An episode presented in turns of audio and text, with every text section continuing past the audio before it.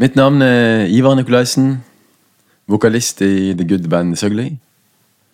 Og og jeg heter Eirik og spiller gitar i The Good Band Søgli. Og vi skal spille konsert i kveld på Debaser i Stockholm. Derfor er vi her i dag. Yes. Og vi sitter nå i leiligheten til Fredrik og ser på masse bøker og plater, og det minner nesten litt om eh, Jeg tipper det er sånn som Egon Holstad har det hjemme hos seg.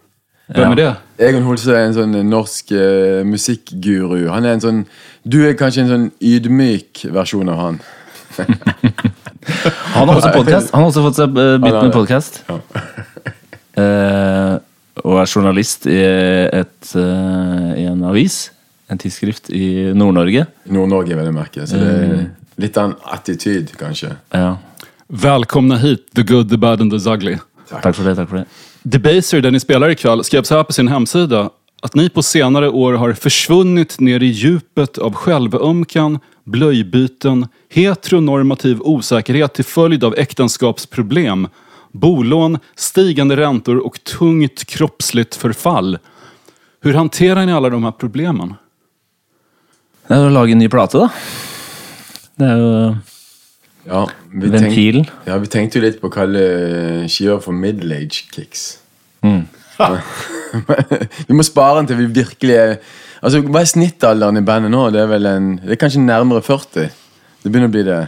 Ni är i 30-årsalderen ungefær. Ja, Noen er 40, eldst i Søgli er vel 44, og du er vel yngst? Du er Eh, 35. ja, 35. Kim er 38, og du må 39. være 37 for å kalles middelalderen, da. Ja, så nå er jeg, jeg er siste Ja, så Vi må vente siste til han er 37 før vi kan komme med den skiva. da Men, men det kroppslige forfallet har eh, Jeg vet ikke om vi skal gå inn på detaljnivå her, men Please do. Ja, det er vel eh, Ja, det er liksom fra hver plate så, eh, Vi begynte kanskje å snakke om det her på den tredje plata vår som heter Misanthropical House. Og da, rundt den tida der, så var det et, eh, et slags kollektivt forfall. Og jeg vet ikke eh, Mentalt sammenbrudd. I et tilfelle. Litt eh, mis, eh, misbruk. Noen fikk seg barn, ble borte. Noen fikk barn, noen fikk hemoroider. Ja. av misbruk missbruket, barn. Ja, um, ikke sant? Umulig å få tak i. Eh, for eksempel ikke sant? hvis jeg har lagd noen nye låter, tenker jeg nå ringer jeg, ringer jeg resten av bandet, hører om vi skal ta en øving og komme i gang med en ny plate. Eh, Får ikke tak i de, aner ikke hvor de er. Ingen har gitt lyd fra seg. Vi, syn, vi ses veldig sjelden utenom bandsammenheng. Vi ses Ja. egentlig bare så Under eh, covid så var det jo sånn at Eirik plutselig fikk vite at flere band har fått barn. Det var, Lenge etterpå, lenge, Ja, lenge. når det åpna igjen. Så, ja. Eh, så vi har ikke så mye kontakt. eh, Vi, kjen- vi veit ikke så mye om hverandre, egentlig. Sånn. Nei, det er sånn, Hvis bandet blir oppløst, kommer vi sannsynligvis aldri til å se hverandre igjen. Nei. Just kroppsligt förfall fick mig att tänka på era vänner i Turbonegro som inför sitt album Retox pratade om att det skulle vara ett konceptalbum om manskroppen på väg in i Das Abendland, som de sa. Tränar ni mycket för att hålla er i form og undvika det här förfallet? Ja, Det er litt sånn årsak og virkning når vi gir ut en plate. Det var som den, den Misanthropical House var liksom noe, noe eh, Den handla om liksom det forfallet, og så gikk jo den plata ganske bra. Og Da fikk alle en oppsving igjen, på en måte. Og så handla da neste plate om eh, hybristen og liksom eh, eh, problemet med å takle oppturen. Og så er det en nedtur igjen da til en ny plate. Det er sånn sånn berg-og-dal-bane opp og ned fra hver skive. da.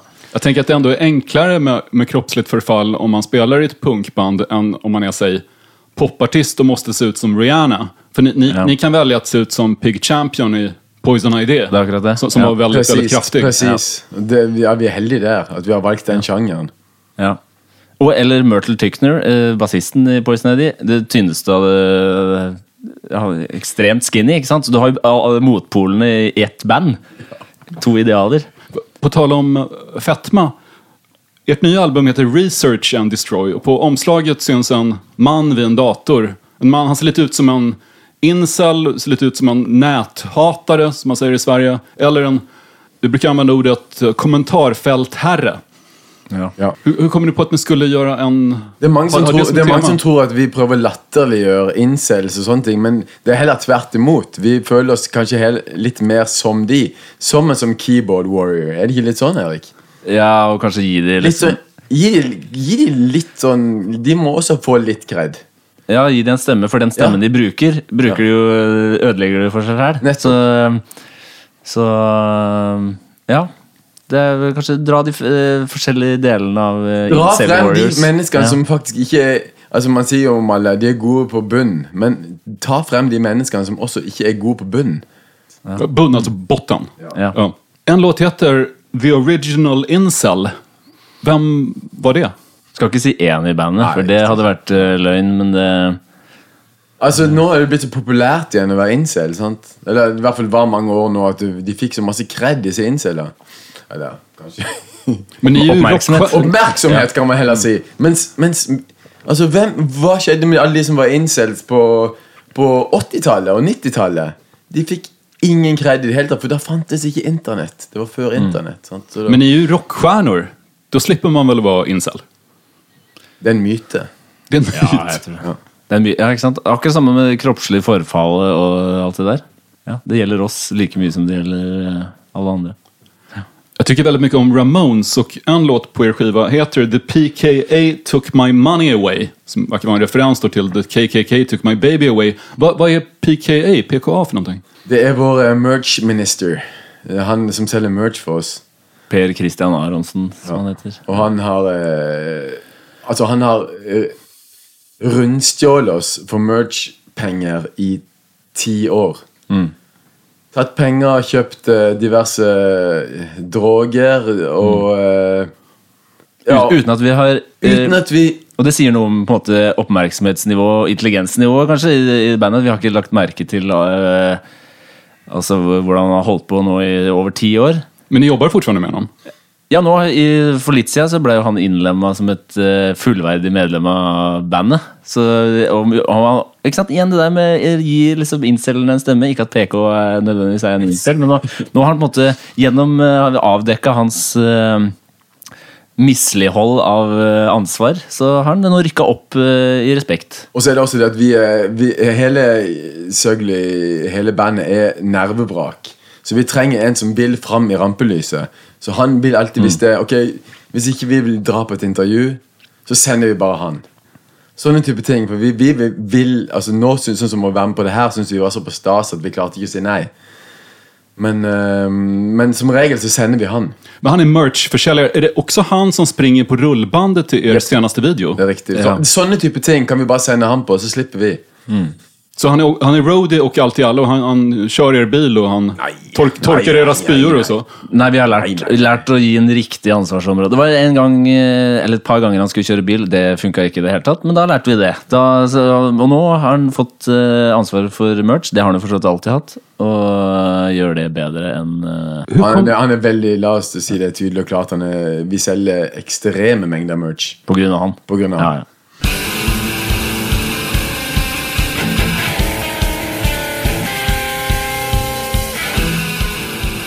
det her er uh, Turbonegro, eller Turboneger, med Toodle Peep Fuck. Som uh, er en av våre favoritt-turbolåter. Uh, og en litt sånn skjult perle, føler jeg, i turbokatalogen. da Den er B-sida til Prince of the Rodeo. Ja, og egentlig ikke Den var med på Jeg vet ikke hva den heter, den der uh, Small Feces samlegreia. Den har liksom uh, Men den eh, jeg, jeg føler at den liksom eh, Den har glidd litt, litt eh, sånn uoppmerka igjennom. Men en jævlig kul eh, låt.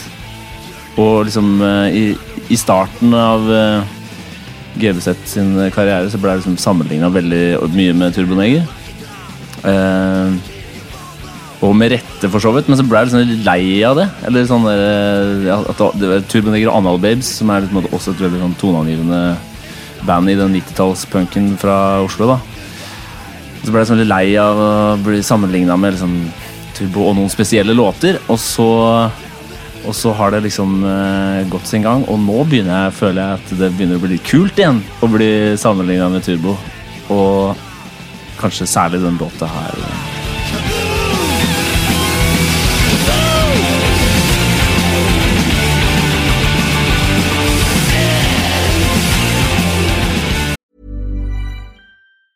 Quality sleep is essential. That's why the Sleep Number Smart Bed is designed for your ever evolving sleep needs. Need a bed that's firmer or softer on either side? Helps you sleep at a comfortable temperature? Sleep Number Smart Beds let you individualize your comfort so you sleep better together. JD Power ranks Sleep Number number 1 in customer satisfaction with mattresses purchased in-store. And now, save 50% on the Sleep Number limited edition Smart Bed for a limited time. For JD Power 2023 award information, visit jdpower.com/awards. Only at a Sleep Number store or sleepnumber.com. Hey, I'm Ryan Reynolds. At Mint Mobile, we like to do the opposite of what Big Wireless does. They charge you a lot, we charge you a little. So naturally, when they announced they'd be raising their prices due to inflation, we decided to deflate our prices due to not hating you. That's right. We're cutting the price of Mint Unlimited from $30 a month to just $15 a month. Give it a try at mintmobile.com slash switch. $45 upfront for three months plus taxes and fees. Promo rate for new customers for limited time. Unlimited more than 40 gigabytes per month. Slows. Full terms at mintmobile.com. Many of us have those stubborn pounds that seem impossible to lose, no matter how good we eat or how hard we work out. My solution is PlushCare. PlushCare is a leading telehealth provider with doctors who are there for you day and night to partner with you in your weight loss journey. They can prescribe FDA-approved weight loss medications like Wagovi and Zeppound for those who qualify. Plus, they accept most insurance plans. To get started, visit plushcare.com slash weight loss. That's plushcare.com slash weight loss. Erik, jag vet att du fick en Turbonegro-skiva av din bror i julklapp när du var 13. Ja, åssen heter det? Vilken fick du då? Eh, det var eh, Det var eh, Apocalypse Dudes, ja. Ja, jeg fikk, jeg fikk den, og så fikk jeg en T-skjorte. I Got Direction-T-skjorte. Da du var 13 og gikk med til skolen?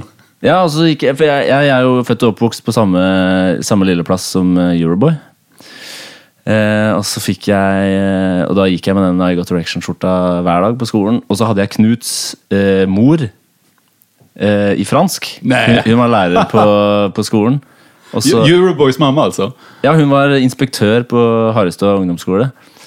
Og så hadde jeg på meg den I Got Direction-skjorta hver dag. Eh, og så hadde jeg fransk tentamen. Og så kom jeg liksom inn med den, og så stoppa hun meg i døra. eh, og da tenkte jeg det var fordi hun visste liksom at uh, Turben sønnen hennes, spilte i band og sånn. Men så sa hun bare eh, Stopp, uh, den, den skjorta er for vulgær, på en måte. Uh, du, det, du må kle på deg noe annet. Og så ble jeg skikkelig skuffa, da. Og så måtte jeg bare gå hjem og skifte. Slett. Kommer hele bandet fra Harrystua? Nei, jeg kommer fra et sted det, Alle de andre kommer fra Hadeland. Det er det området som eh, kan, kan man si at uh, Harestua er et av de største stedene på Hadeland. Men jeg kommer fra et sted som heter Moi, som ligger på Sør-Vestlandet. Og min inngang til Turbo, til Turboneger, det var at det var en kompis av meg, min beste venn, da jeg var slutt, på, på slutten av 90-tallet. Han, han kom kjørende i bilen, og så spilte han noe dritfett musikk, og så tar han ut CD-en. Hva har du hørt på, sier jeg? Det er Black Magic, sier han. Bare, Black Magic, Alle har hørt om Black Magic, kult. Hvor har du fått tak i det her? Jeg gjorde brekk i Stavanger. Så jeg stjal bilstereoen. Og, der fant, og inni bilstereoen, i den CD-spilleren, så sto Black Magic. Det er et dritfett band. Og vi hørte på Black Magic. Elska Black Magic. Året etterpå, 98, flytta til Oslo. Så fant de ut at det var Turboneger. For det står Black Magic på den CD-en. Står det Black Magic. Så Ja, for det, var bare, det var bare selve CD-en. bare selve. CD-en, Ja. Hvilket, album står det på? På eh, Apocalypse Dudes. Ah. Ja. Så- Black Magic. Ja, ja, så Vi trodde det het Black, Black Magic. Så det var min inngang til eh, Turbo. Hur, hur kom ni på namnet The Good, The Bad and The Zugly?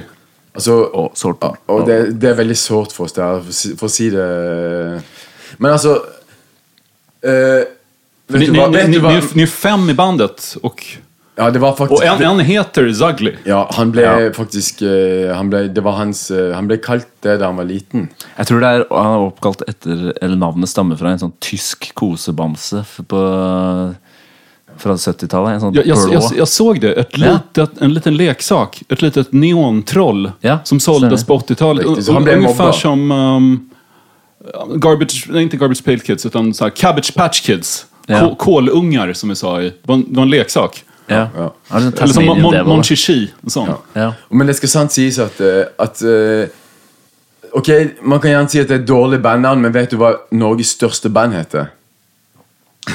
vet du hva De heter Carpe Diem. Er det Norges største band? Norges største band. Nei, Ka- jo, hør, sma, Smak på det. Carpe Diem. Og de, gjør det helt, de er helt gigantiske. Så det, i Norge er det lurt å ha et dårlig bandnavn. For da gjør du det stort. Og det tror jeg faktisk det gjelder. Carpe Diem är et fruktansvärt band. Ja, og, og det var så dårlig at de faktisk skjønte det selv i fjor eller for to år siden. Så de skifta navn til Karpe. Altså til en fisksort. Ja. En karrig fisksort. eh, Ja, skikkelig karrig fisksort. Det er ett ganske langt bandnavn. The Good, The Bad and The Ugly. Så det bruker forkortes GBZ har jeg sett. Det, er det fungerer bedre. Mye bedre. Så vi prøver å pushe det. Og det, det er interessant at GBZ är också nationalbeteckningen för motorfordon från Gibraltar. Om man bra. man har en bil och bor i Gibraltar så, så står det GBZ. Det är koden på bilen. Ja, det er bra. Bra, ja. Ni borde egentligen kanske få någon sorts bidrag från Gibraltar för att ni promotar deras ort. Ja, det går en mail med en gang vi kommer hjem om det der. Men eh, jeg, tror, jeg tror jeg prøver å huske tilbake nå. Jeg tror ikke det var Vi hadde ikke så veldig mange forslag på blokka. Liksom, jeg tror Bleeding Cancer var eh, et eh, forslag, men det er som altfor sånn tøffe seg tøft. på en måte. Og så var det liksom noe kreft i familiegenerasjonen til noen i bandet. Det ble litt for eh, ja, disrespectful. Så punk er vi. Eh, og så tror jeg rett og slett det bare sant, For Søgli har jo hett Søgli eh, siden han var liten. Og så var det en, jeg tror det var enten Magne eller Kim som eh, gikk inn på pissoaret på en veldig kul bar i Oslo som heter Bonanza. Og der hang det en eh, plakat med filmplakat med The Good, Bad and The Ugly. Og så gikk det opp et lys sånn halvveis i pissestrålen. Liksom, hvis jeg bare setter en sett foran det, så er det liksom uh, et bra bandnavn. Og eh, det var jo bra, da hadde vi et bandnavn, men det er jo også den dårligste beslutningen vi kanskje har gjort som band. da. Ja, men skal det sant sies at uh, mens andre band, band sikter mot stjernene, så sikter vi aldri høyere enn toppen av en europalle. Nei, det skal være halvveis. Det Ja, det det er, en slags, halvveis, det er vel sånn pledge vi gjør. Middle age kicks. Ja, det skal være litt halvveis. eh, Det, er fint, fint att ni funderade på den titeln. Jag minns att Thomas i Turbo Negro sa att Retox ett tag faktiskt hette Born to Run to a certain extent. Det er vakkert. Det er. Alltså, han är Born to Run lagom mycket. Ja. Vem i bandet är Zagli? Är det er basist? Det är basisten. Stämmer det att er första spelning var på hans systers födelsedagskalas? Det stemmer. Det tror jeg var eh, januar 2010 eller noe sånt. Hur gick det- det? Eh, det, jeg husker ikke, men det var på Last Train, altså, som er et slags sånn andre hjem for oss. Uh, en pub i Oslo. Som er også kjent i liksom, Scandi-rock-kretser. Turbo, eh, nei, Helicopter spilte det, Hives har spilt det, men det tar, det tar 100 pers. Typ. Ja, det er det er en liten pub, og der, det er også et sted alle har bursdag. Vi hadde bursdag for eh, 40-årsbursdag for vår lystekniker Joffe der forrige uke. Det er litt sånn eh, cheers-vib. Eh, og der hadde jo da hun bursdag, og så tror jeg vi egentlig starta bandet for å spille i bursdagen hennes. Eh, og ikke tenkte at det skulle bli noe mer enn det. Men Ingen ambisjoner. Nei, ikke sant? Lave ambisjoner, lav terskel. Ja, det er helt perfekt. Og så eh, Og så spilte vi kanskje et par gigs til, og så begynte vi å få kjeft av liksom andre folk i miljøet fordi at vi ikke klarte å gi ut noe musikk. Kristoffer, for eksempel. Klarte ikke å gi ut noe musikk, klarte ikke å gå i studio. Ikke sant? Det tok altfor lang tid. Vi hadde jo ikke noen ambisjoner om dette her, og så omsider klarte vi det, og så fikk vi noen spillejobber til, og så bare Ja, og så var det bare balla på seg. Var du med fra start, Ivar? Nei, ikke på, inte på første plattan. Nei. Og hva hendte med første sanger, da? Nei, han eh, gikk ut av turnébussen en eh, tidlig morgen eh, utenfor Rockefeller i Oslo. Og siden det så har, vi jo hatt en ny vokalist. uh, og ja, det løste seg egentlig veldig greit.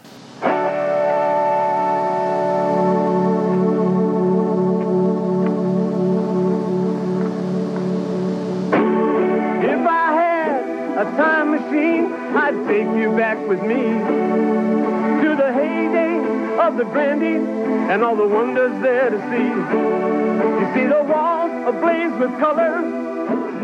Neste låt er um, Grandy Days, Rob Tyner. Um, hvorfor vi valgte den låta, det er vel mest fordi at uh, vi har hatt det som en sånn uh, bandbusslåt, kanskje. Er Ja. Ja, ja. Ett MC5-sångaren solo. ja. Som i det här YouTube-klippet som det för det här finns verkligen inte på Spotify, spelar en autoharpa och sjunger denne här låten. Det er den fineste versjonen, faktisk. Det er en fantastisk fin låt, og, det, øh, og den er sånn trist fin. Ikke sant? Det er jo noe vi i GBZ begynte med på et tidspunkt. Å lage sånn tri alltid ha én trist fin låt med på platene. Og akkurat den låta der er liksom øh, Altså trist, fin, vad... Ja, litt sånn øh, øh, Litt sånn Deprimerende og. Melankolsk, på en måte. tufft melankolsk. Ja. Eh, og den låta handler jo om liksom The Grandy Days, som eh, eh, Han skal liksom ha med lytteren i en eh, tidsmaskin tilbake til liksom Grandy Ballroom, som var, hvor MC5 var liksom husband sammen med Stooges og sånn en periode. Og liksom det, storhetstida i Detroit-rocken. da og så er jo det klippet her Han spiller live på en TV-sending i liksom USA på 1990 eller 89 eller noe sånt. Eh, og og Wayne Kramer og Sonic Smith er borte. Bandet er liksom borte. Du ser at fyren er liksom øh, øh, Ja i, på vei ut, på en eller annen måte. Sliten, og, men med liksom den der karakteristiske afroen. Men den har gått fra liksom en sånn perfect dome som man hadde på 60-tallet, til en sånn party in the front, party in the back-versjon. Som er liksom sinnssykt øh, kul. Han spiller på autoharpe. liksom det snåleste instrumentet for liksom en av punkrockens store liksom, eh, helter å gjøre. Eh, og så synger han den eh, kanskje mest nostalgiske låta som du eh, noensinne har hørt, på et veldig vakkert vis. Så ja, Det er emo på sitt beste. det er emo på sitt beste.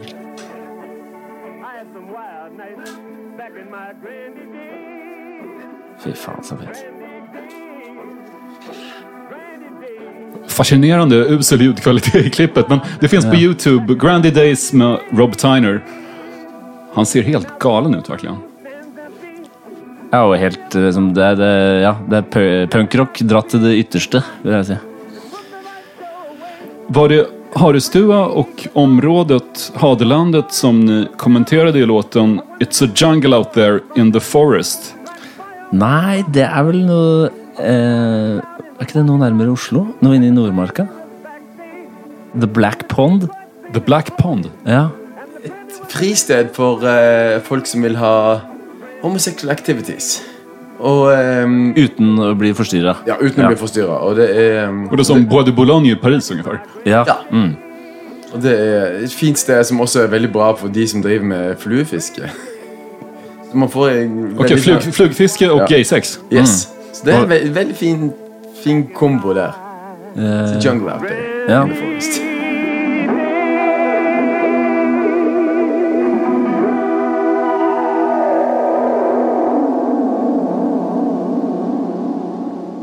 Jag mejlade lite med Knut, Euroboy i Turbonegro, om uh, Harrestua som, som han ju också kommer ifrån. Och han sa, apropå ha Hadelandet, att eh, det var Norges Toscana, tyckte han. ja, det kalles det.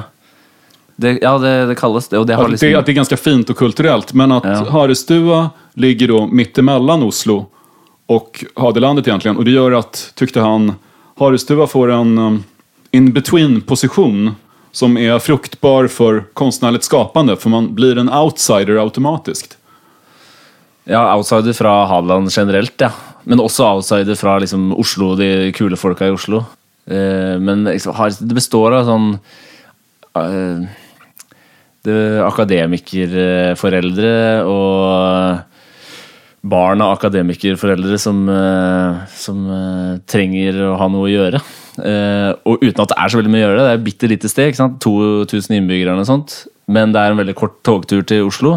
Eh, så det er jo det man gjorde når man var, eh, begynte å gjøre når man var 13-14 år. Så man har liksom access til alt det kule, men du er nødt til å dra tilbake til alt eh, det det dølle, på en måte. Så det er en sånn Alle venter bare på å dra derfra, men så i den der miseren som eh, er da de åra du er nødt til å være der, så har, du, har du jo avstedkommet mye bra greier, da. Corin the Cayman, for eksempel. Bandet til Knut. Eh, og det er mye folk som driver med kunst og kultur der. Eh, jeg begynte å spille med mine første barndomskompiser der. Fordi man ikke hadde lyst til å gjøre de to aktivitetene som du kunne gjøre der. Spille korps eller eh, spille fotball. Ni är befriande ärliga i låten I lied about being a hardcore man. Där ni erkänner att ni ofta har ljugit om att ha koll på band som ni kanske inte har lyssnat på så mycket. Du sjunger I used to wear a Gorilla Biscuit t-shirt, but in fact I know nothing about them. The only thing I know is that the Cro-Mags are even more gorilla than them. Hur ofta har det hänt att ni har ljugit om att ni har koll på band? Alltså, vi har Ljuging generelt det har varit... Uh, Det er sånn vi har kommet oss gjennom livet. Ja, og så er det jo sånn når man eh, spiller i en sjanger som uh, måtte ble delvis oppfunnet av liksom uh, Happy Tom og Euroboy. Sitatmaskiner, folk som har ekstremt koll på musikkhistorien og liksom ikke er redd for å prate om det. Så kommer man jo dårlig ut uansett. Uh, altså Da har, man, har vi bare valgt Det er bedre å være ærlig om uh, selvbedraget sitt, på en måte. Eh, Men det fins jo trikk der de bare sier så här. I like the early stuff. Så låter ju som om man har koll. Om att, oh, det er så, Jag gillar de tidiga grejerna. Ja. Sen blev det överproducerat. Ja, jeg kan, jeg kan ta meg sjæl i å si det fortsatt, ja. Det, er- det skjer ofte. Og så får man, får man litt sånn eh, En følelse av litt sånn selvtap. eh, selvutslettende. Og det, ikke sant? Og så kan man lage noe morsomt. Så, så ni blir inte arga om ni ser någon gå runt i Good, the Bad, the Ugly t-shirt utan att ha lyssnat på er? Ni går inte fram och säger okej, nämn tre låtar med oss. Nei, det hadde aldri skjedd. Det I hvert fall ikke for meg. Nei, det er helt, helt greit. Vad fan ska vi göra då Kenta? Ska inte vi sticka på promen då med Jaje? Vad ska vi göra då då? Ska vi kröka eller ska vi tända på eller vad fan ska vi göra? Hörru?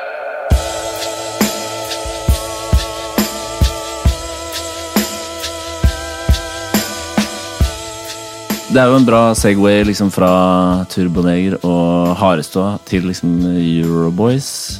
Eh, og det faktum at vi er i Stockholm, så klart. Eh, og den låta her er jo fra den litt sånn utskjelte eh, Getting Out of Nowhere-plata til Euroboys, som kom i 2000, tror jeg. Eh, som eh, tror jeg er litt sånn utskjelt fordi den blir sammenligna veldig mye med plata som kom før, som er litt med en sånn geniplate. Men den er jo så jævlig kul, den skiva. Eh, Det har jeg egentlig alltid syntes. Og så jeg tok jeg egentlig med den for å prøve å oppklare et sånt, uh, en ting jeg har lurt på veldig. Fordi at eh, ikke De synger jo 'Stockholm I owe you nothing' i refrenget. Og de har, det er tydeligvis et eller annet som har liksom skjedd, at de har eh, fått et litt anstrengt eh, forhold til uh, Stockholm. da Som ikke jeg veit hva er. Ikke sant? Nå er vi i Stockholm for å spille gig. Hva, hva skjedde? Hva er som, storyen med Euroboys og Stockholm? Det vet kanskje du? Eller? Ingen aning faktisk. Nei?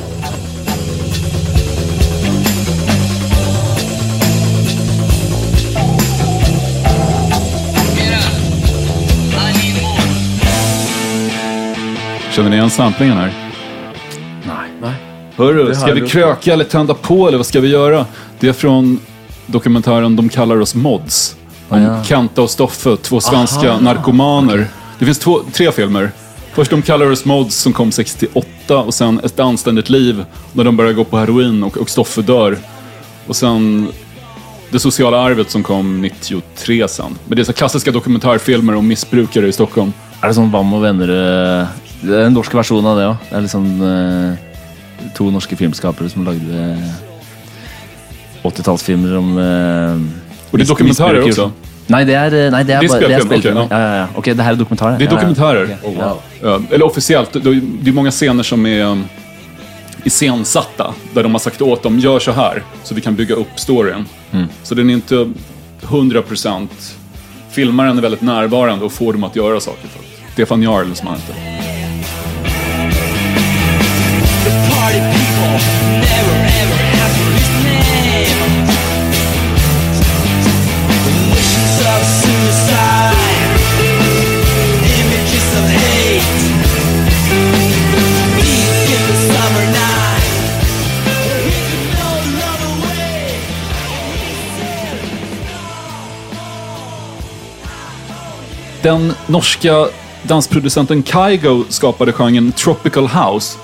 Och ni spelade in albumet Misanthropical House med ett skivomslag som var en pastisch på komedifilmen Animal House Affisch.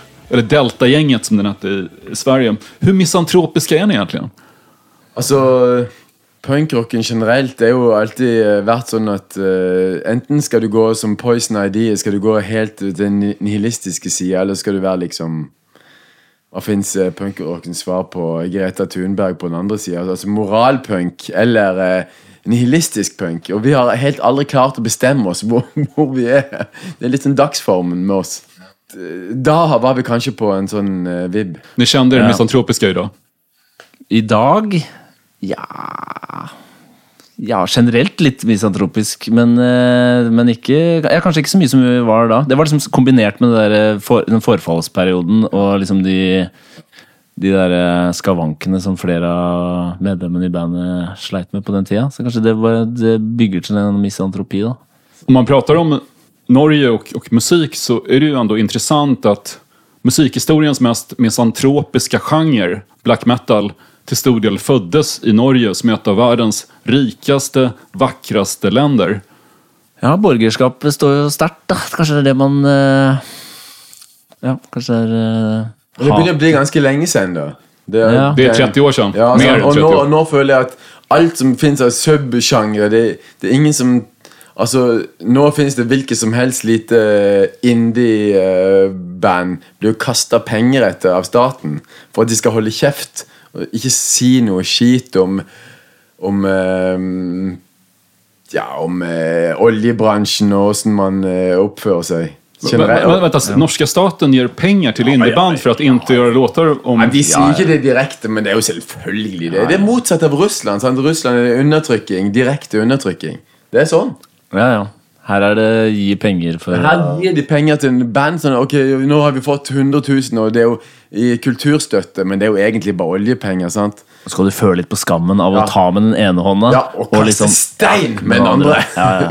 det er det vi gjør, da. Ja. Vi bare tar imot de støttepengene vi får, og så bare pælmer vi stein. Om vi så må kaste det i glasshus. Vi skiter i det. Men ni får inget, inget statsstöd? Jo, jo, det er derfor vi, vi, det er derfor vi, eh, Vi tar kaller- imot med den ene hånda, og så kaster vi stein med den andre. vi, spi- vi spiller oilpunk. Det er, eh, det er eh, statsfinansiert eh, oljepunk vi driver og En grej som jag ibland har tänkt på när det gäller Norge, men egentligen aldrig vågat fråga nor- några norska musiker, är att det är en intressant kontrast ur ett svenskt perspektiv mellan black metal och och misantropin och det brutala och hur det norska språket låter i svenska öron. Det låter väldigt glatt och melodiskt. Ja. Och ibland har jag fått för mig att det går inte att vara riktigt arg på norska. Det är så... Ja. Det, det är ett så trevligt språk. Och ibla- ibland, jag, jag gick på en konsert en gång med, med Dimmu Borgir. Som för övrigt gjorde Puritanical Euphoric Misanthropia. En, en skiva för 25 år sedan kanske. Uh, och jag reagerade på att mellansnacket då var, var, var på norska. Och han säger nu ska vi spela en ny låt som heter... Ja. Fast det, det, kan, det uppfattar man nog inte själv om man kommer från Norge. Att, att språket har en, en klangmelodi som, som är glad. Ja.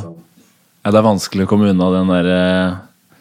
ja, den bondske jovialiteten. Eh, Men det sitter jo liksom i, det sitter jo liksom i det norske sjela. Vi er jo eh, Vi er jo et uh, land med en kort uh, kulturhistorie, på en måte. Det er uh, Kanskje da må man påta seg litt sånn ekstra Dra på litt ekstra. Nå, nå som det først liksom er noe å komme med. Ja, og hvis du virkelig vi- Men hvis man virkelig er misantrop, så ville man aldri reise rundt og spille Spille masse gigs. Det er jo Nei, bare nei, nei. ljuging. Det er bare, de sier det for å tøffe seg. Ja, ja. Så enkelt er det.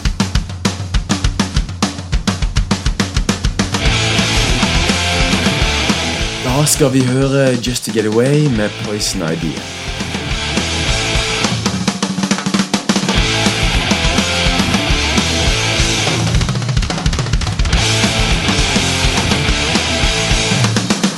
Quit my job from a bar stand aside, grab the gun. I'm feeling good to get my right. Got my girl, 16 inches really special. Og det er kanskje det bandet som Jeg føler Hvis du ser bort fra Turbo, da, som også er inspirert av de, vel å merke. Mildt sagt, Milt sagt. mildt sagt inspirert av de, så er vel kanskje det det viktigste. Ja. Det er vel det, det bandet alle liker i bandet. Ja, og som har på en måte vært eh, en sånn fellesnevner for eh, alle bandets skiver og alle bandets medlemmer siden vi begynte. Det er en av få, kanskje, tenker jeg, sånne referanser som eh, fortsatt er liksom aktuelle. da.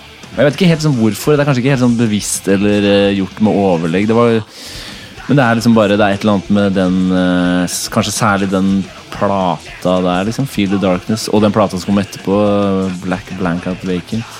Kanskje mer enn de derre de skivene som kom før. Kanskje, ja, Det som var liksom rundt 1990. Som på måte låt er liksom produsert på en helt annen måte, og som bare er liksom badass på en helt annen måte enn den 80s eh, hardcore-greia er. Som også er liksom så klart vi er inspirert av, og som er veldig Som er veldig viktig. Som Black Flag og eh, Reagans Youth og Millions of Dead Cops og hele den greia der. Men det er et eller annet når det liksom switcher Det der låter så jævlig annerledes og er så badass på en helt annen måte. Og meg som gitarist og sånn, riffmessig er det jo liksom en eh, helt ny verden. Så nei, en veldig, to veldig viktige plater for oss. På alle måter,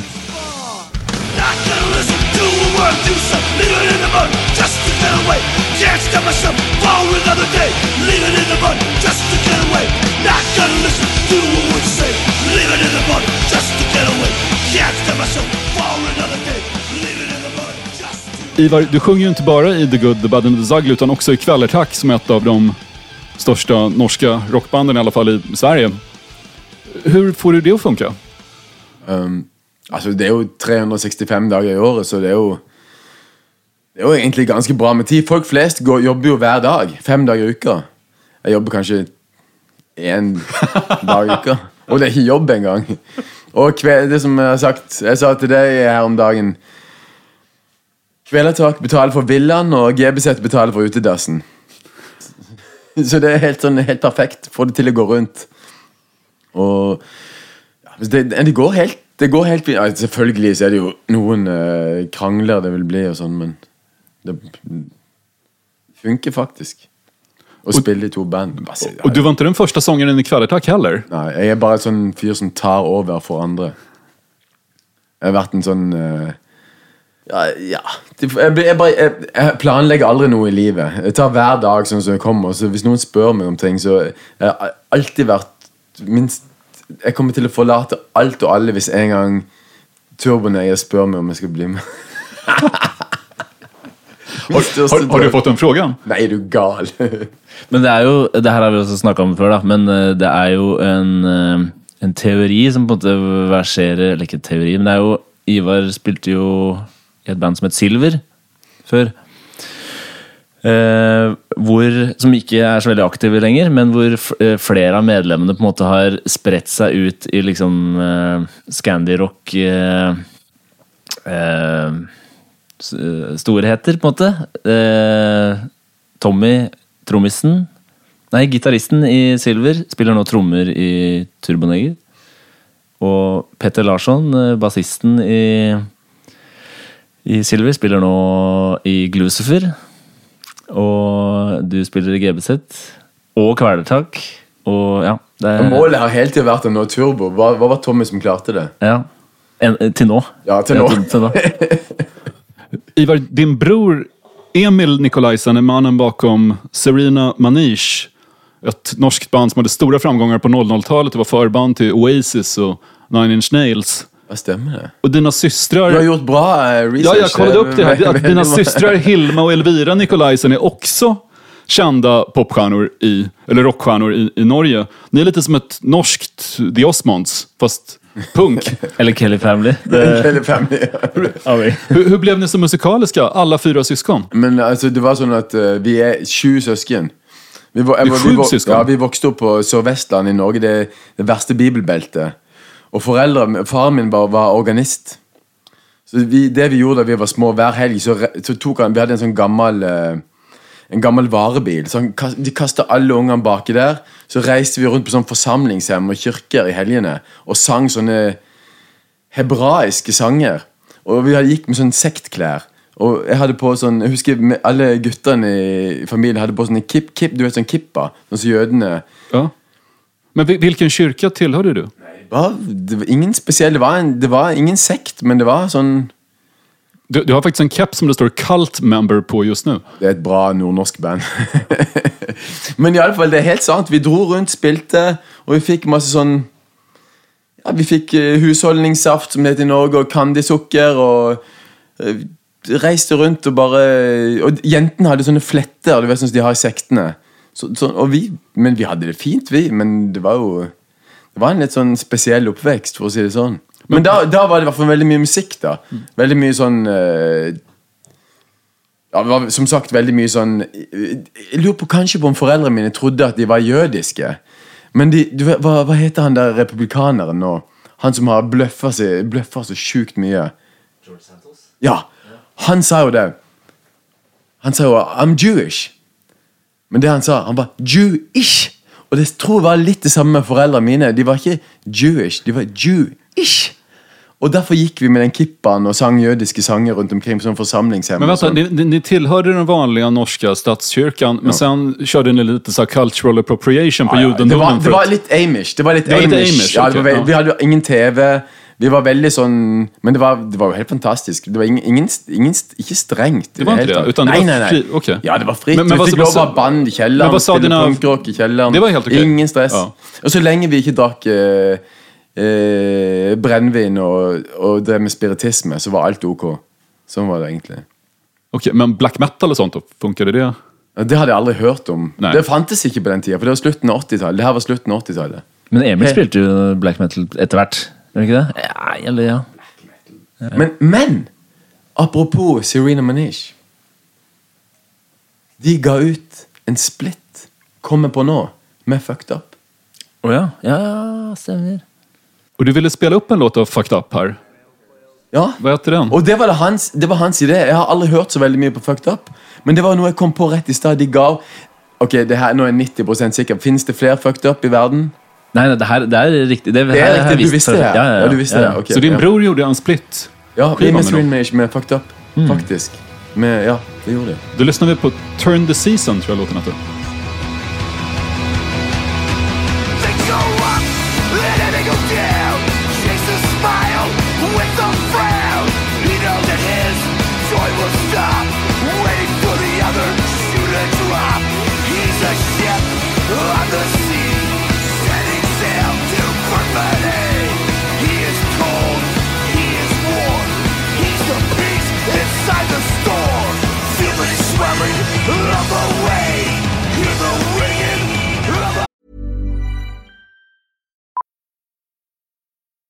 Millions of people have lost weight with personalized plans from Noom, like Evan, who can't stand salads and still lost 50 pounds. Salads, generally, for most people, are the easy button, right? For me, that wasn't an option. I never really was a salad guy. That's just not who I am. But Noom worked for me. Get your personalized plan today at Noom.com. Real Noom user compensated to provide their story. In four weeks, the typical Noom user can expect to lose one to two pounds per week. Individual results may vary. Quality sleep is essential. That's why the Sleep Number Smart Bed is designed for your ever evolving sleep needs. Need a bed that's firmer or softer on either side? Helps you sleep at a comfortable temperature? Sleep Number Smart Beds let you individualize your comfort so you sleep better together. JD Power ranks Sleep Number number 1 in customer satisfaction with mattresses purchased in-store. And now, save 50% on the Sleep Number limited edition Smart Bed for a limited time. For JD Power 2023 award information, visit jdpower.com/awards. Only at a Sleep Number store or sleepnumber.com. Hiring for your small business? If you're not looking for professionals on LinkedIn, you're looking in the wrong place. That's like looking for your car keys in a fish tank. LinkedIn helps you hire professionals you can't find anywhere else, even those who aren't actively searching for a new job but might be open to the perfect role. In a given month, over 70% of LinkedIn users don't even visit other leading job sites. So start looking in the right place. With LinkedIn, you can hire professionals like a professional. Post your free job on linkedin.com/people slash people today. Jag såg Fucked Up på Debaser en gång. Där ni ska spela ikväll. Deras sångare hade bara överkropp, han är väldigt stor. Han var så svettig. Och han sprang genom publiken och gned av sin svett på alla. Jag har aldrig fått så mycket svett från en artist på mig. Direkt att han liksom vred på sig för att det skulle rinna över hela mig. Det var en väldigt fysisk konsertupplevelse. Jeg har aldri sett det Aldri live. sett det. Det er en av mine liksom, store Jeg er veldig, veldig glad i det bandet. Eh, Kanadensiskt hardcore-band. Ja, og jeg, jeg tenker liksom Turboneger og liksom Scandy-rocken kanskje er liksom eh, liksom helt sånn tydelig inspirasjonskilde for liksom GBZ sin start. da Så er det noe På et tidspunkt der så var det kanskje noen andre band som tok over um, Blant annet Fucked Up, og også et band som heter uh, The Marked Men, som er litt sånn um, Som kanskje det er liksom Det er, det er hardcore, eh, men det er liksom eh, veldig melodisk. Og det er liksom episk på en sånn derre På en sånn eh, måte som igjen de der 80s hardcore-banda fra USA ikke er. Og det her er så klart et ny, veldig nyere band. Denne låta her er jo fra 2011. eh, fra en skive som heter David Comes to Life. Eh, mens, og som bare eh, De fortsetter, fortsetter liksom å gi ut nye ting, og for, jeg føler at de fornyer seg. Liksom, eh, de klarer å holde seg liksom gående og gi ut nye ting hver, for hver skive. Da. Eh, og det, særlig denne låta her er så jævlig bra driv. Og så, jeg har sagt det en eller annen gang før at uh, hvis, uh, hvis man skal lage en sånn eh, remake av Forest Gump for The Millennials, så burde Var, Hvorfor skulle noen gjøre en remake av Forrest Gump for The Millennials? Fruktansvärd idé. Ja, men det er fordi det, det er det de gjør om dagen. ikke sant? Det, det, det, det Forrest Gump er liksom for vår generasjon. Eller ja, eldre enn det òg. Og så alle suksesser skal på en måte gjentas til det melkes, eh, så suksessen melkes. Og hvis det skal lages en remake av Forrest Gump for the Millennials, så uh, har jeg et sterkt ønske om at den låta her, når uh, Tom Hanks løper gjennom uh, Grand Canyon og Jackson Browns 'Running on Empty' kommer, så burde det være denne låta her som, som byttes ut på den. Fucked up. Rett og slett. Den får deg til å gå litt fortere. Den får deg til å liksom halveløpe litt hvis du hører på den hvis du går, går rundt i gata. De er roliga å se live for bandet ser veldig stedet og nesten så indie-rockig ut. Medan sangeren er bare rent kaos, rakat huvud, stort skjegg, stor som et klot. og han virkelig kaster seg fra scenen. Hvor, hvor mye stage dive og sånt bruker du gjøre, Ivar? Har du slaget deg på scenen eller gjort? Ja, det har, det har gått mange tenner. Det har gått mange tenner Og, og har alltid med krykker på turné. Alltid med krykker, for det ryker alltid Skjer nesten hver sånn, På en lang turné skjer det hver, hver gang.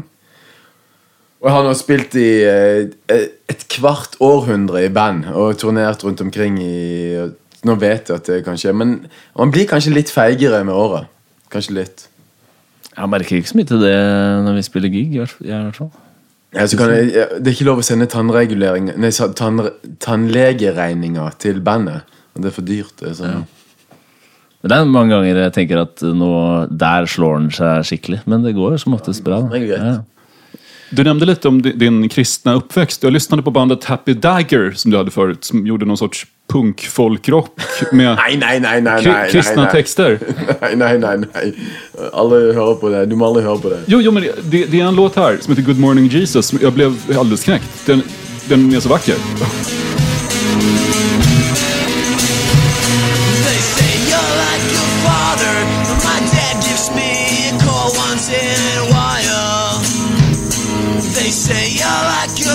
but my brother takes me home when I'm too drunk to drive.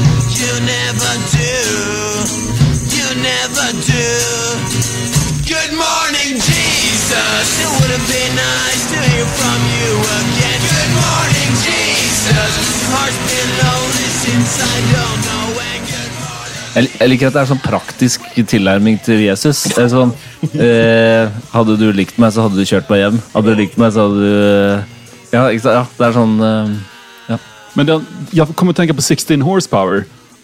Ja. Faktiskt, så, som ändå kommer från en religiös bakgrund och, och gör någon sorts mörk, Ja, Six apokalyptisk Horsepower har al- kristen... alltid betydd eh, veldig mye for min del. Det er eh, veldig eh, det, er, stu- det, er- det er kanskje en av mine favorittartister. Men eh, han er jo seriøs. Det der er jo piss. Det der er jo ja, Det er jo seriøst på et sett, men det er jo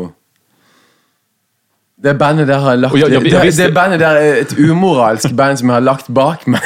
ja, jeg, hadde, jeg, hadde, faktisk ingen aning om at du hadde en religiøs bakgrunn, men når jeg hører det så, så innbiller jeg meg at det Ja. fins noe i denne låten som en djuptroende person skulle kunne haka på og ta del men Litt som at Johnny Cash har Personal Jesus av Depeche Mode som er liksom en ateistisk hymn, en antilåt mot religion og i stedet gjør den kristen. Det, fin- det finns Ja. noe andligt i den her. Det er, in- det indre se- det er noe sekterisk eh, Ja, det- dypt ja. inni deg. Ivar, Og som det, ut. og det er der fortsatt. Det er der fortsatt. Jeg blir aldri kvitt det. Det er noe man må bære gjennom livet. En låt på Misantropical House-skivan tar stilling mot trenden med mindfulness. Ni har istället en låt som heter Mindlessness. Hva vad har ni emot mindfulness? Ni, ni håller inte på med yoga och sånt då, eller meditation?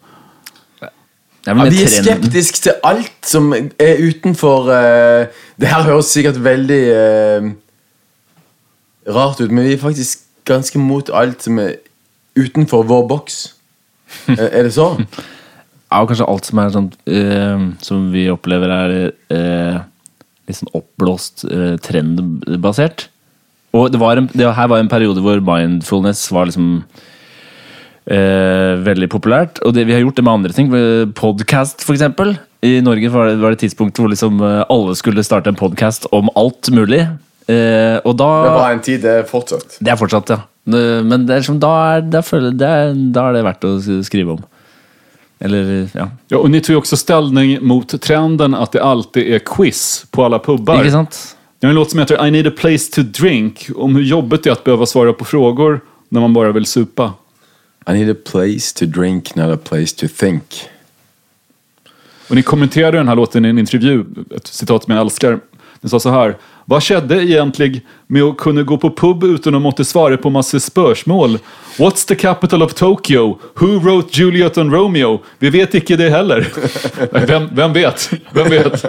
Det kan sikkert være interessant i noen sammenhenger, men det er, ikke, det er sjelden det, Ja, det er sånn at Hvis topic på noen i bandet blir uh, busta for å dra på quiz, og det gjør vi jo Vi, går, vi alle vi har vi, vi gjør veldig mange ting på privaten. For eksempel gå på quiz. Mulig noen driver med mindfulness.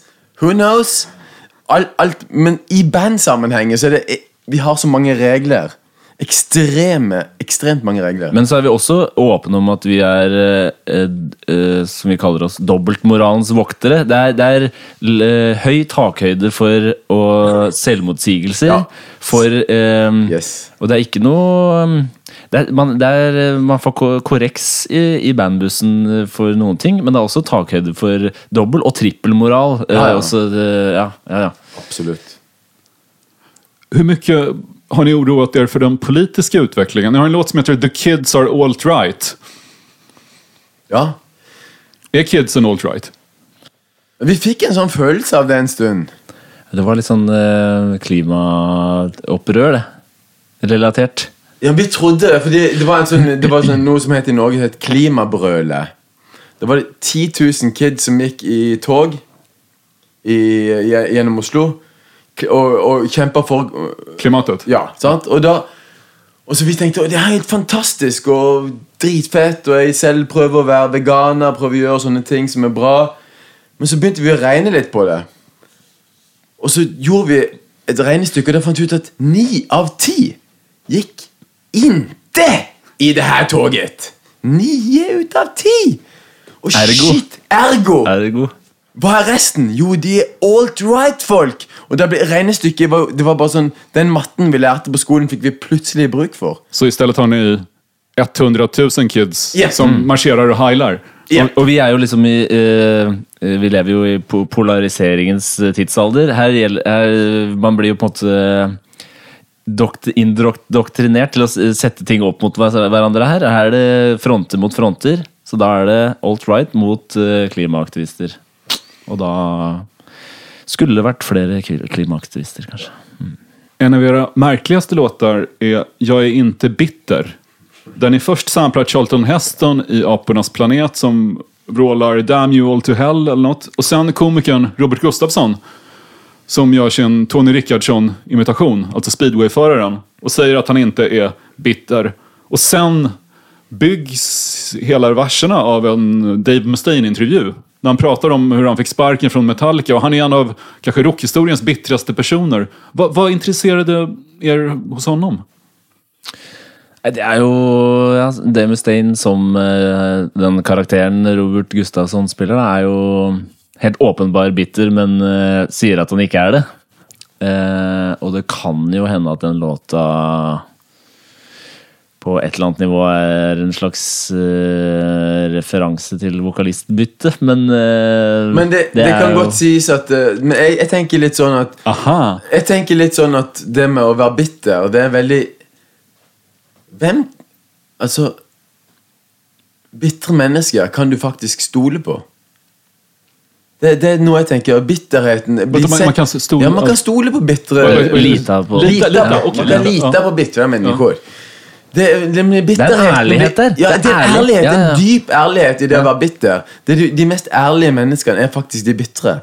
Og bitterheten er de som blir blir dytta ut av samfunnet. Man blir ledd av og latterliggjort når man er bitter. De er avvikere. Ja, de avviker. Ja, ja. De er ekte punkser som er bitre. Men Og for bitterheten? bitterhet Ekte punkrock må ha bitterhet i seg, syns jeg.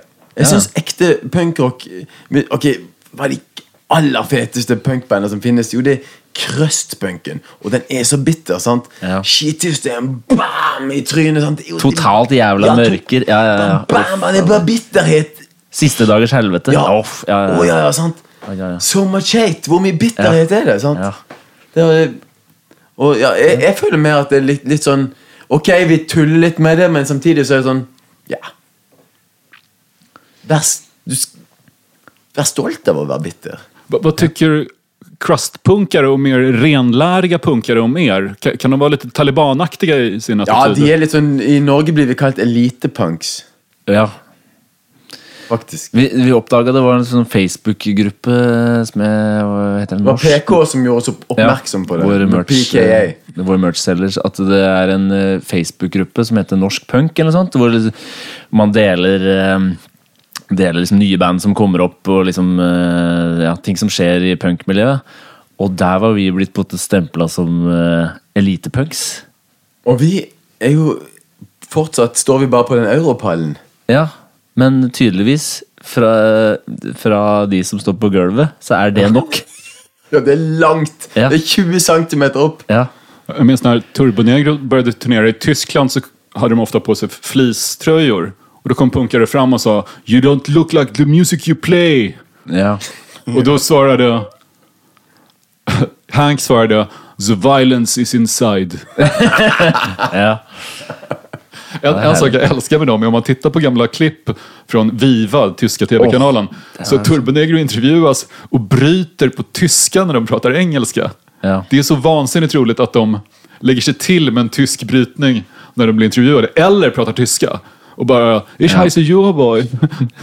Men det, det er, det, i den Viva-dokumentaren, siden du nevner det, så er det Det er ett klipp der hvor, eh, hvor Hertis står i baren og intervjues og snakker med intervjueren, og Euroboy sitter eh, Han, sitter- han, sitter- han sitter på bardisken ja. Sitter på bardisken med den hvite cowboyhatten og, spiser, og drikker eh, champagne. Og han, han, har men- bara, han har bare, overkropp også. Bare overkropp, Ja. og, så drikker han, og veldig kort hotpants, denim hotpants. Og drikker champagne med en jordbær oppi glasset. Og ikke sier noe som helst. Han er liksom, han er liksom sånn den stumme. Og så te, eh, da var jeg, Det første gang jeg så det igjen, var jeg kanskje sånn 13 år da, og så det her og bare syntes det var det tøffeste i verden.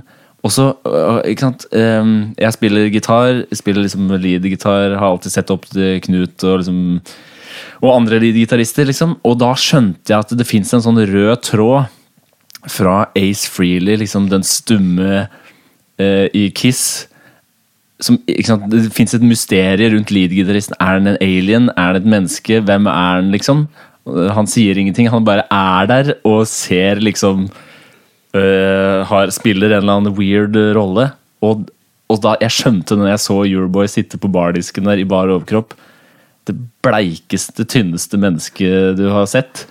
Drikke jordbærsjampanje ut av det glasset mens Hank står og intervjues. Så skjønte jeg at det er en rolle liksom, øh, du er nødt til å bare tre inn i og claime. Nå sitter jeg her og prater med en podkast, så nå bryter jeg jo Bryter jo alle de Vad, vad vackert att ha just oh. de, den scenen som målbild. Jag kommer ihåg när jag såg det första gången reagerade jag också på herregud, vad, vad är det här för band? Ja. Thank you for being a friend. Travel down a road and back again. Your heart is true, you're a pal and a confidant. Ashamed to say. Eh, det her er eh, låta 'Thank You For Being A Friend' med Andrew Gold, som eh, Som har på en måte blitt en sånn Den låta som alltid kommer på på slutten av våre konserter. Det er fra 1978, tror jeg. Og jeg vet, ikke, jeg vet egentlig ikke noe mer Jeg vet ikke hvorfor den her liksom eh, ble en del av eh, Hvem av oss som plukka opp den her, eller hvorfor den ble en del av GBZ eh, sine show, men eh, han skrev den til eh, sin musikalske kompanjong og manager som en slags takk fordi han var en eh, kul fyr. Og den er sånn basic, rett fram. Thank you for being a friend. Ikke noe så mye mer enn det. If car you lack, I'd surely buy you a Cadillac. Whatever you need, any time of the day or night. Det høres ut som eller, eh, Where Everybody Knows Your Name eh, fra Cheers, men det er jo, det er jo ikke det. Den har liksom litt den vibben, men, eh, men kanskje det er en eh, Jag måste googla, förlåt. Ja, gör det. The Golden Girls. Panter, pantertanter på svenska. Vad heter Okej. den i Norge? Jag vet inte. Aldrig hört. Tv-serie om, om några gamla kvinnor som bor tillsammans. The Golden Girls. Ok. Vi har ikke TV, vi Ja, du vokste jo ikke opp med TV, så det,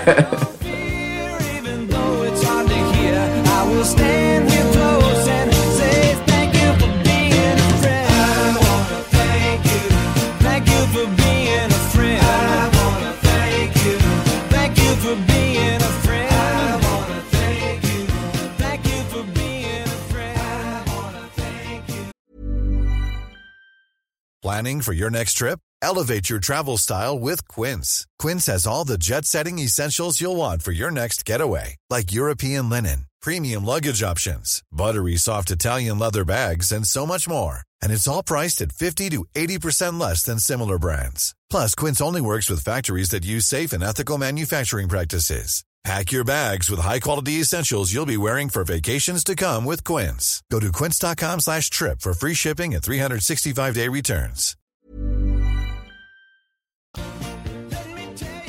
Och det var då roligt att det var några tanter som bodde tillsammans. Och, och de kändes så gamla då. Och nu läste jag precis att en av dem var ju 45 eller någonting. Som oss. Men det, det är den där effekten när, när man ser någonting från förr i tiden så känns människor som kanske var i 40-årsåldern äldre än de gör nu. Det här Re, retroaktivt åldrande oh, ja. brukar man prata om. Om ni tittar på gamla bilder av skolkataloger från, från 70-talet. Titta på någon som var 16 då. Då ser de gamla ut. ser 25 ut? Precis. 35? Ja. Eller hvor gamla snakker vi? Om du tittar på någon som är en tonåring från, från 60-talet okay. i en norsk skolkatalog kanske, så tror jag att den personen kommer att se ganska gammal ut okay. i dina ögon. Eller jag märkte när jag tittar själv på skolkataloger från när jag var liten, att killarna som gick i åttan har liksom mustasch.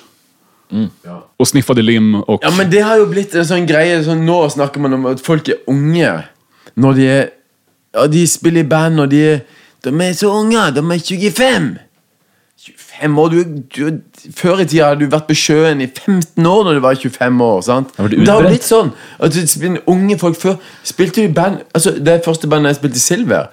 Altså, bassisten vår, han var 15 år Vi dro på turné i Tyskland Og, lys, Han tok fri, han, 15 år? 15 år tok fri fra skolen, han bare stakk fra skolen Så dro jeg på turné i Tyskland og lysmannen var 13. ja, ja, så, det var jo, det var jo så Hvor, hvor gammel var du da? Jeg Jag var vel kanskje 17, 18, Og du fikk åka for dine föräldrar? Det var, det var inte... 18 år. 18 år, Da er du voksen. Da har du vært voksen i mange år. Det, det er en ny greie at, at, du, at du er ung når du er Eller at du er ung når du er 25 år. Du, du, du har levd i 25 år. Det, dere forstår hva jeg mener. Nå, er- nå er man et ungt band om man er 25. Men det er Før er- var man et ungt band om man var 14 år! Da var du et ungt band. Men jag tror att det också är de som är äldre som bestämmer det. För då känner de sig inte lika gamla. Ja, sanns- Om någon som är 25 år Ja, är väldigt ung så... Ja. Och jag kan ju få det perspektivet själv. Jag fyllde 50 precis. Och jag tycker att någon som är 32 nu, det- de är ju kids. ja, ja, ja. Det er sant. Ja, det Betyr det at Ja, det er et middelaldrende band den, den, da det er eldre, blir eldre og eldre? Kanskje ikke Ja. vi er et Ja, band? men? Før så kunne du ikke dra rundt og spille som en 40-åring. Sånn. Ingen som gjorde det. Det var vulgært. Ja, det var vulgært. Jeg leste en artikel om når Rolling Stone spelade i Göteborg på Ullevi 1982. Og inför konserten så skrev någon svensk tidning att passa på att se Rolling Stones nu. För man kan inte tänka sig att Mick Jagger hoppar runt så här på scen när han är uppe i 40-årsåldern. För då skulle han fylla 40 år och på. Han var 39. Så passa på att se Stones nu. Men det er jo også en av liksom, rockehistoriens eh, mest klassiske klipp, vil jeg si. Når uh, Mick Jagger blir intervjua, er det sånn uh, 72, 71-72, vet ikke om det er i forbindelse med liksom, Exile on Main Street eller noe sånt, hvor han blir intervjua og blir spurt liksom, er det hvor lenge tenker du at du skal holde på med det her? Og så sier han sånn, nei, ja, hvis det går to år til, så er det liksom, da er jeg happy. Og det var det de sa i bursdagen til Ellen, uh, Søglis søster òg. Hvis det her holder ut et halvt år til, så er vi happy. Og nå er det ja, 13 år eller noe sånt. På tale om Göteborg, ni har en låt som heter Way Out West. Er det en referens til festivalen? Nei. Det, er en, en, det handler om en by i Norge som heter Bergen. Ah, Ja, som i Bergen-Belsen som Turbo Negro bruker å si. Ja. Eh, nei, det var ikke sant eh, Eller når vi er i Sverige, så, er det kanskje, så handler det kanskje om festivalen. Ja, det kan brukes. Ja, kan- Men ja. fordi I starten av bandets historie så hadde, var det liksom en, eh, hadde vi en slags eh, beef, eller en konflikt med Det er en sånn Scandi-rock-greie i Norge. Ja. Glucifer, av våre venner og favorittband, de er også veldig anti-Bergen. Ja, Turbo var i Bergen, eller var de det? Oslo-rock mot liksom Oslo mot Bergen. Vest, og det er bare en grei greie. sant? Det Ja. fins vel det samme i Sverige, kanskje. Og så hadde jo var det jo en slags skjebnensironi at uh, jeg på et tidspunkt var nødt til å flytte til Bergen. Etter å ha spilt eh, fire-fem år i, i GBZ, og hvor vi hadde, hadde lagd en del låter om på en måte Bergen og og eh, prøv, prøvde å bygge opp den eh, gamle konflikten mellom liksom Oslo-rocken og Bergensrocken. Eh, og så var jeg nødt til å flytte til Bergen, en slags ironi, da. Og da var jeg Så Way Out West-låta vokste jo litt ut av det, og West Coast Exile fra plata etterpå. Og en slags, da var jeg eh, ja, aleine i et slags eksil på vestkysten av Norge. Men det avstedkom jo igjen, da, med noen låter som vi fortsatt spiller. Eh, Men den, den konflikten der har jo på en måte Den har dødd litt ut. Den, vi har ikke vi har, Vi er vi Kan vi si at vi er glad i Bergen? Det er vel å ta i litt, men Jeg syns de siste gangene vi har vært her og spilt, har det vært eh, jævlig bra. Så ja, kanskje blir det middelalder Det må bli mykere i kantene. Kanskje det. Det er bare en sak mer som har irritert meg litt, og det er att ni inte publicerar era texter. Ni har fantastiska Ja. texter men det går inte att läsa dem någonstans. Ja, Det var et eh, ganske sånn konsekvent valg helt fra starten, tror jeg, som vi har eh, holdt på. Og det tror jeg egentlig bare er liksom... Tänker sånn ni ge ut en bok sen och sälja tusentals exemplar med, med era texter? Vi har tenkt, vi har faktisk tenkt tanken, men vi har slått det fra oss. Og det, det, er, det er litt sånn kokettering over eh, at eh, eh, Vi er redd for at da vil vi bare bli totalt avslørt og som et uh, poserende band. Som vi faktisk er. Som vi jo så klart Det er eh, samme er. med å ta bandbilder. Vi tar aldri bandbilder. Vi har tatt to, De første fem årene jeg var med, hadde, tok vi ingen bandbilder. Så de bare klistra mitt, mitt ansikt, et gammelt bilde av meg, klistra det over han gamle vokalisten. Men om, om man lyssnar på låtarna hör man ju att det är fyndiga, smarta, briljanta texter. Det är väldigt frustrerande att inte kunna... Ja, kanskje mystikken, at mystikken lever, da. Der har du Ace Freely-greia. Ja, eh, du skal ikke undervurdere Noe mystikk må man ha igjen i disse internettdager. Ja.